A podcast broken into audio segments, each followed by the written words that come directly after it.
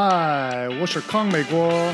你现在正在收听的是敏捷理念。敏捷和 TDD 玩忽职守。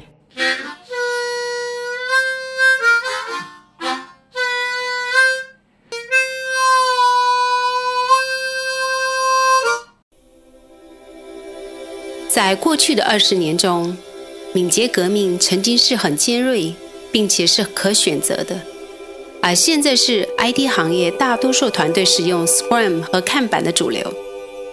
您可能还没有意识到，尽管这两个流行的精简权重框架是有价值的一个更改，但它们根本不涉及如何构造支持频繁交付的代码。Scrum 看板安装敏捷计划系统。让团队对自己的过程进行控制，这是非常重要的事情。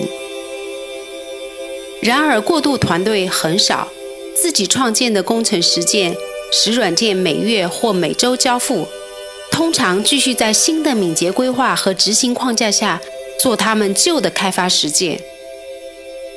当看到改革一个组织时，Scrum 和看板是洋葱的最外层。